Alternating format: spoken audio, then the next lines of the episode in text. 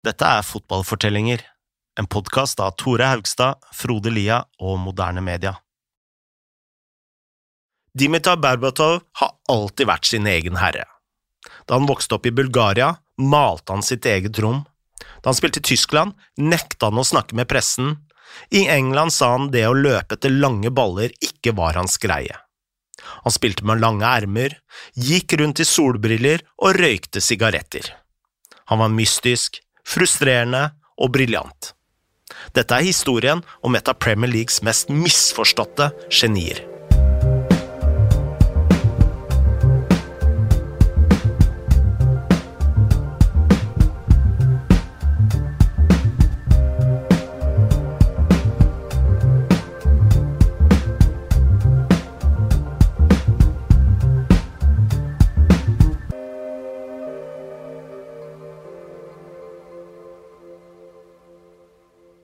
Dimitar Berbatov ble født i 1981 i Blago Vebrad, en liten by sørøst i Bulgaria.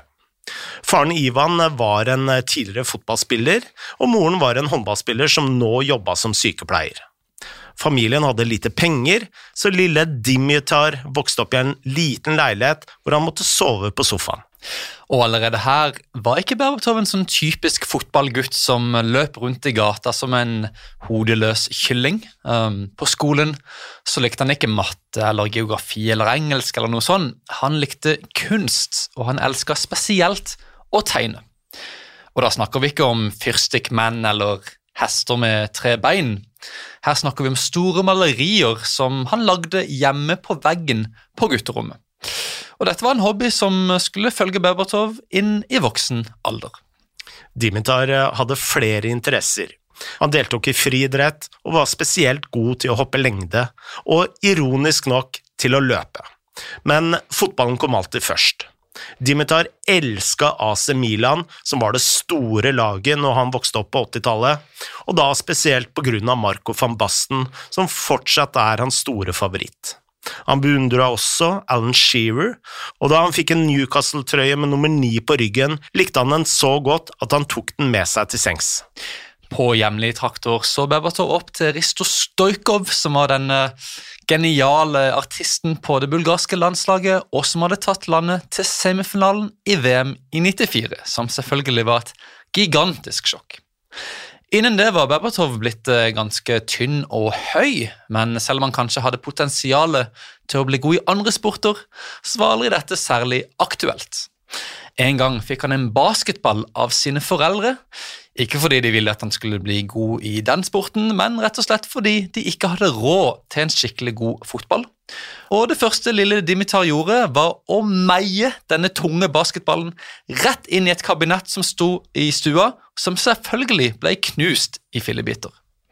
Dimitar ble snart en lovende spiss. Da han var 17 år, ble han oppdaget av Dimitar Panev, en forsvarslegende som hadde trent Bulgaria i VM i 1994. Penev henta Berbatov til CSKA Sofia i bytte mot hele 20 fotballsko. Der debuterte han på A-laget som 18-åring, før han leverte en debutsesong som var så sterk at andre klubber meldte sin interesse. En av disse var Lecce, som nesten slo kloa i Berbatov sommeren 2000. Det var også andre, litt mer tvilsomme aktører som ville ha en del av Dimitar-kaka. En dag mens han var på treningsfeltet og trente som normalt, ble han rett og slett kidnappa av tre gangstere. Dette er jo ting som kan skje i Bulgaria. De ville tvinge han til å signere for Levski Kjustendil, en klubb som var eid av Georgi Iljev, som var en notorisk skurk i Bulgaria.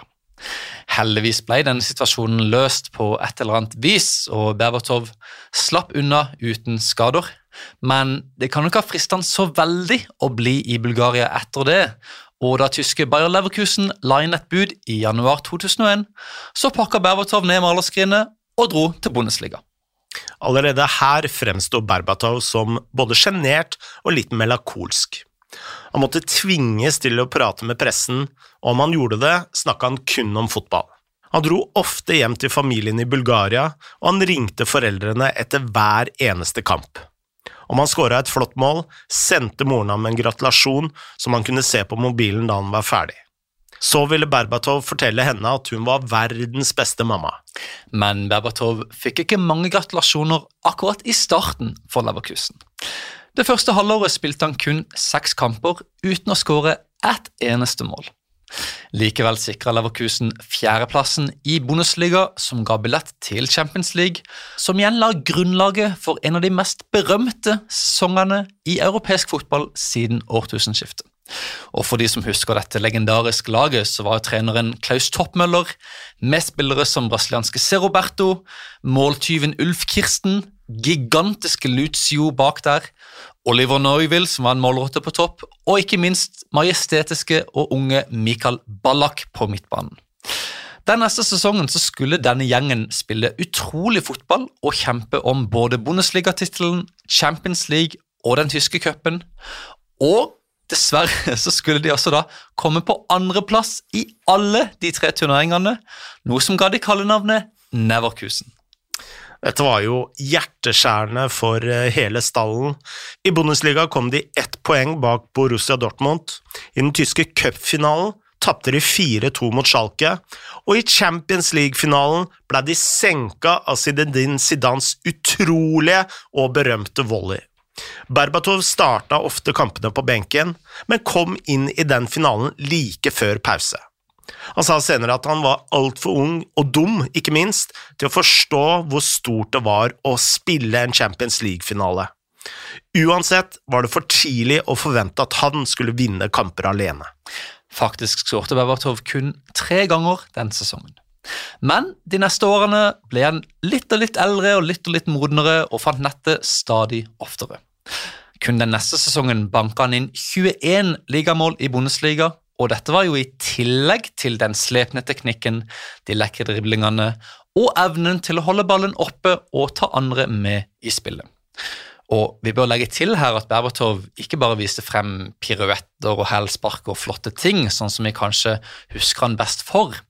Ser man på høydepunktene fra den tida, så er det et lass av skåringer på åpent mål, det er kontante headinger fra innlegg, og det er ikke minst knallharde skudd, som er en skikkelig typisk målrotte verdig. Berbatov var en artist, men han hadde også et hint av gode gamle Ellen Shearer. Men så klart leverte Berbatov et par kunstverk også. Kanskje det mest spektakulære kom mot Roma i november 2004, da han fikk ballen inn i feltet, flikka ballen over gigantiske Trajonos Dellas. Han tok den imot på andre siden og løfta en lobb fra skarp vinkel over keeperen Carlos Sotti. Selv ikke lagkameratene forsto seg noe særlig på Berbatov. Keeperen Hans-Jørg Butt sa at Berbatov var kanskje den beste han hadde spilt med, men at de to hadde utveksla kun tre setninger på under fem år. Sommeren 2006 ble Berbatov kjøpt av Tottenham for 11 millioner pund. Dette var noen måneder etter at Spurs hadde mista fjerdeplassen til Arsenal etter tapet mot Westham, som ble skyldt på matforgiftning i stallen. Treneren var Martin Joll, og stallen hadde navn som Michael Dawson, Didier Sokora og ikke minst Robbie Keane. Det lå litt i kortene her at Berbatov måtte endre sin stil for å tilpasse seg denne nye, brutale, tøffe, ubarmhjertige Premier League, men det, det hadde han ingen planer om å gjøre. Berbatov ble fort ansett som en gåte. Han gjemte seg bak mørke solbriller, og en av de som jobba i klubbkantina sa at han kun så ham spise mat med plastbestikk. Men på treningsfeltet var han en av de mest begavede.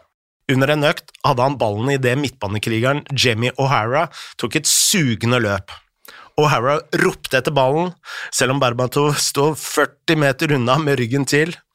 Uten å løfte blikket snudde Berbatov seg, og på en femøring slo han en ball som landa rett på lissa til O'Hara. Da økta var over, gikk Berbatov stille og rolig bort til O'Hara og sa du trenger ikke å skrike, jeg vet hvor du er. Utenfor banen lærte Berbatov engelsk ved å se på James Bond og Gudfaren, som han elska overalt på jord. Da han ble spurt om hva han egentlig brukte dagene på i London, så sa han at han egentlig bare levde et helt normalt liv. Ehm, Berbatov sto opp, dro på treningsfeltet og var der fra kanskje 11 til ett eller to. Så trente han litt styrke, unna seg kanskje en massasje hvis han følte seg i humør eller hvis han hadde gjort det bra på trening. Og så dro han hjem igjen, og det var egentlig hele hverdagen. Um, ellers så, så han på filmer og hørte på Tupac og Dr. Dre og Snoop Dogg og 50 Cent. Han likte mote og sa at han prøvde å gjøre alt med stil, både på og utenfor banen. Men det var liksom ingen fancy biler eller uh, ferier i øst og vest eller pelsdresser eller noen sånne ting. Mora sa senere at Berbatov er en helt enkel fyr, og at han heller vil dra til Bulgaria enn til Barbados. Berbatov ble umiddelbart en hit på White Hart Lane. Han åpna med et enkelt mål mot Sheffield United, før han viste sin eleganse mot Besiktas ved å runde keeperen og trille ballen i mål. De neste ukene serverte han fansen en nydelig volley, et frisparkmål og tekniske detaljer på høyde med det ypperste England noensinne har sett. Han leverte tolv ligamål i sin første sesong, noe som ga ham en plass på årets lag i Premier League. En av nøklene til denne formen var at Berbatov hadde en trener som virkelig, virkelig forsto han. Han hadde et veldig godt forhold med uh, Martin Joll og sa at han ligna litt på Don Corleone med sin dype stemme og gravitas og autoritet. og Jeg tror også at Joll stilte opp i litt sånne stripete dresser etter kampene. og sikkert ikke den verste sammenligninga en Premier League-spiller har gjort. Et annet aspekt her er også at Joll var veldig tolerant overfor sånne spillere som Berbatov. Og uh, I tillegg så samla Joll på kunst og hadde malerier hjemme. Uh, og Jeg vet ikke om det hadde så mye å si for behandlinga av Berbatov, men dette var jo to sjeler som så sport og artisteri på samme måte. Dessverre for Tottenham kom de på en ny femteplass. Den sommeren hadde Alex Ferguson sett nok til å vise interesse. Berbatov ble værende, men de første ukene av den nye sesongen ble humøret hans mye verre.